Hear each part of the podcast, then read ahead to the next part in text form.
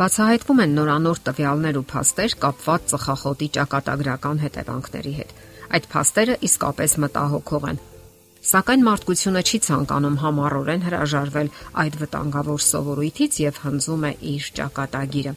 Ընդհանրապես բնակչության 70%-ը գիտակցում է եւ գիտի առողջությանը հասցված ծխելու հետևանքների մասին, եւ դա անկախ նրանից, թե օրական քանի ծխախոտ է ծխում։ Սակայն խնդիրն այն է, որ երեխաները, պատանիներն ու երիտասարդները փողոցում տեսնում են առողջ մարդկանց,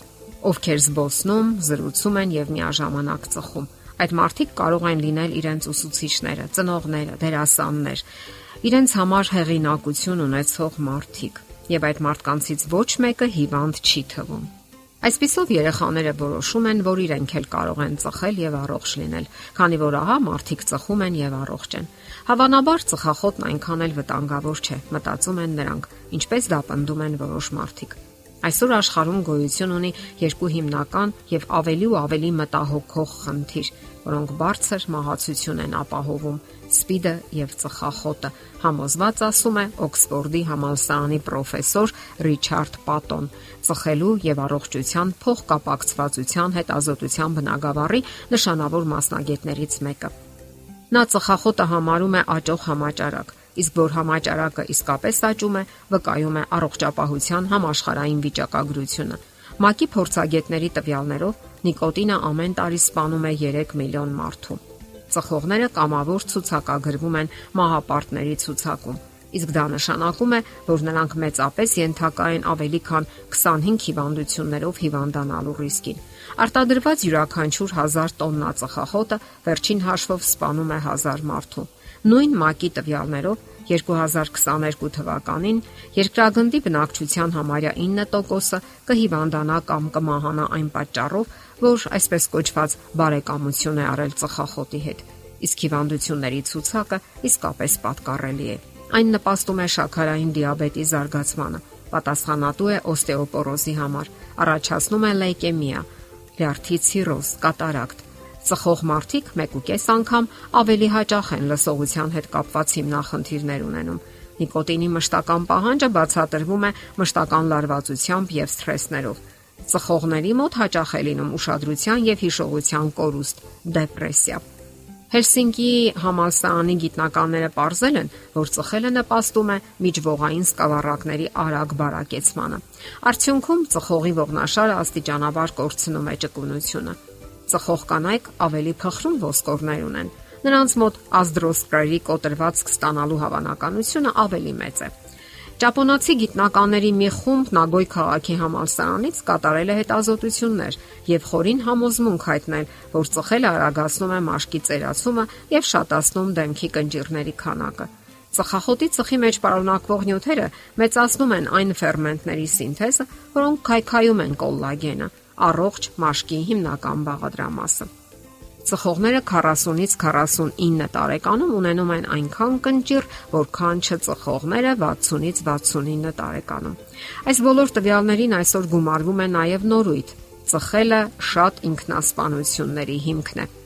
Վիճակագրությունը անողոք կերպով վկայում է, որ զարգացած երկրներում 35-ից 69 տարեկան հասակային խմբերի մահվան պատճառի 30%-ը կապված է ծխախոտի օգտագործման հետ։ Ուսումնասիրությունը ցույց է տվել, որ ծխող մայրերի երեխաները մտածողական բանականության ցուցանիշներով 9 կետ ցած են գտնվում չծխողների երեխաներից։ Այն կանայք, ովքեր հղիության ժամանակ չեն հրաժարվում նիկոտինից, երկու անգամ շատացնում են վիժելու եւ մահացած նորածին ունենալու վտանգը։ Կամ էլ փոքրիկները ծնվում են ըստ վերջին տվյալների, նապաստակի շրթունքով, պակաս քաշով, կանոնավոր հիվանդանում են։ Այսպիսի երեխաները լինում են գերակտիվ։ Երկու անգամ ավելի հաճախ են բանտ ընկնում բռնության հետ կապված հանցագործությունների պատճառով։ Դպրոցում վատ են սովորում Ծխախոտի ծուխը վտանգավոր է նաև հենց իր ծխող կնոջ համար, քանի որ ծննդաբերության ժամանակ կարող են սարսափելի ցավեր զգալ, արյան մեծ կորուստ ունենալ։ Նաև մեծանում է մահացու ելքի հավանականությունը։ Կարևոր է հասկանալ այն բոլոր առավելությունները, որ տալիս է նիկոտինից ազատ կյանքը։ Այստեղ է, որ անհրաժեշտ է պայքարել, տրամադրվել հաղթելու նենք թշնամուն։ Միշտ հիշեք, ծխախոտը թույն է, Նշանավոր հետազոտողները պնդում են, որ նիկոտինը նույնքան ուժեղ է ստրկացնում մարդուն, ինչպես հերոինը, եւ ուղեղի վրա ունենում է նույն ազդեցությունը, ինչպես մորֆին, կոկաինը, մարիխուանան եւ ալկոհոլը։ Չստանալով այդ թմրանյութը օրգանիզմը տարապում է։ Որքան շատ եք ծխում, այնքան շատ նիկոտին է պահանջում ձեր օրգանիզմը։ Նա ձեզ հրամայում է ծխել, եթե նույնիսկ դուք ցանկանում եք թողնել ծխելը։ Հաճախ ծխող մարդիկ ծխելը հիմնավորում են ինքնատիպ արդարացումներով։ Միևնույն է, մի օր մահանալու եմ, այդ պատճառով էլ ավելի լավ է ապրեմ այնպես, ինչպես ցանկանում եմ։ Սակայն այդ ցանկությունը կապված է ինֆարկտի, թոքերի էմֆիզեմայի, գլխուղեղի կաթվածի, բարթույթներով ապրելու հետ։ Արդյոք այս ամենը համեմատելի է առողջ ապրելու հետ։ Կարող է իմ ծխելը անհանգստացնում է ձեզ, բայց սպանում է ինձ այսպես է ասել Գաբրիել Սիդոն Կոլեթը։ Ծխողները նաև այսպիսի անմեղ փաստարկ են բերում։ Ես վնասում եմ միայն ինձ։ Սակայն դա այդպես չէ, չէ որ դուք ցավ եք պատճառում ձեր սիրելի մարդկանց եւ հոգեբանորեն եւ ֆիզիկապես եւ ձեր ծխախոտից առաջացող երկրորդային ծուխը դառնում է նրանց վաղաժամ մահվան պատճառը։ Նորվեգացի հասարակական ու քաղաքական գործիչ Գրու Հարլեմ Բրոմփլան համարում է, որ ծխախոտը միակ սպառողական ապրանքն է, որ երբ ըստ նշանակության է օգտագործվում, սպանում է սպառողին։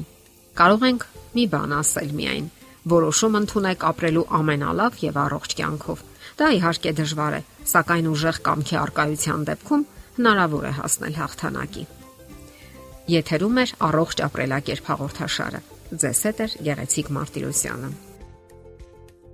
Հարցերի եւ առաջարկությունների համար զանգահարել 033 87 87 87 հեռախոսահամարով։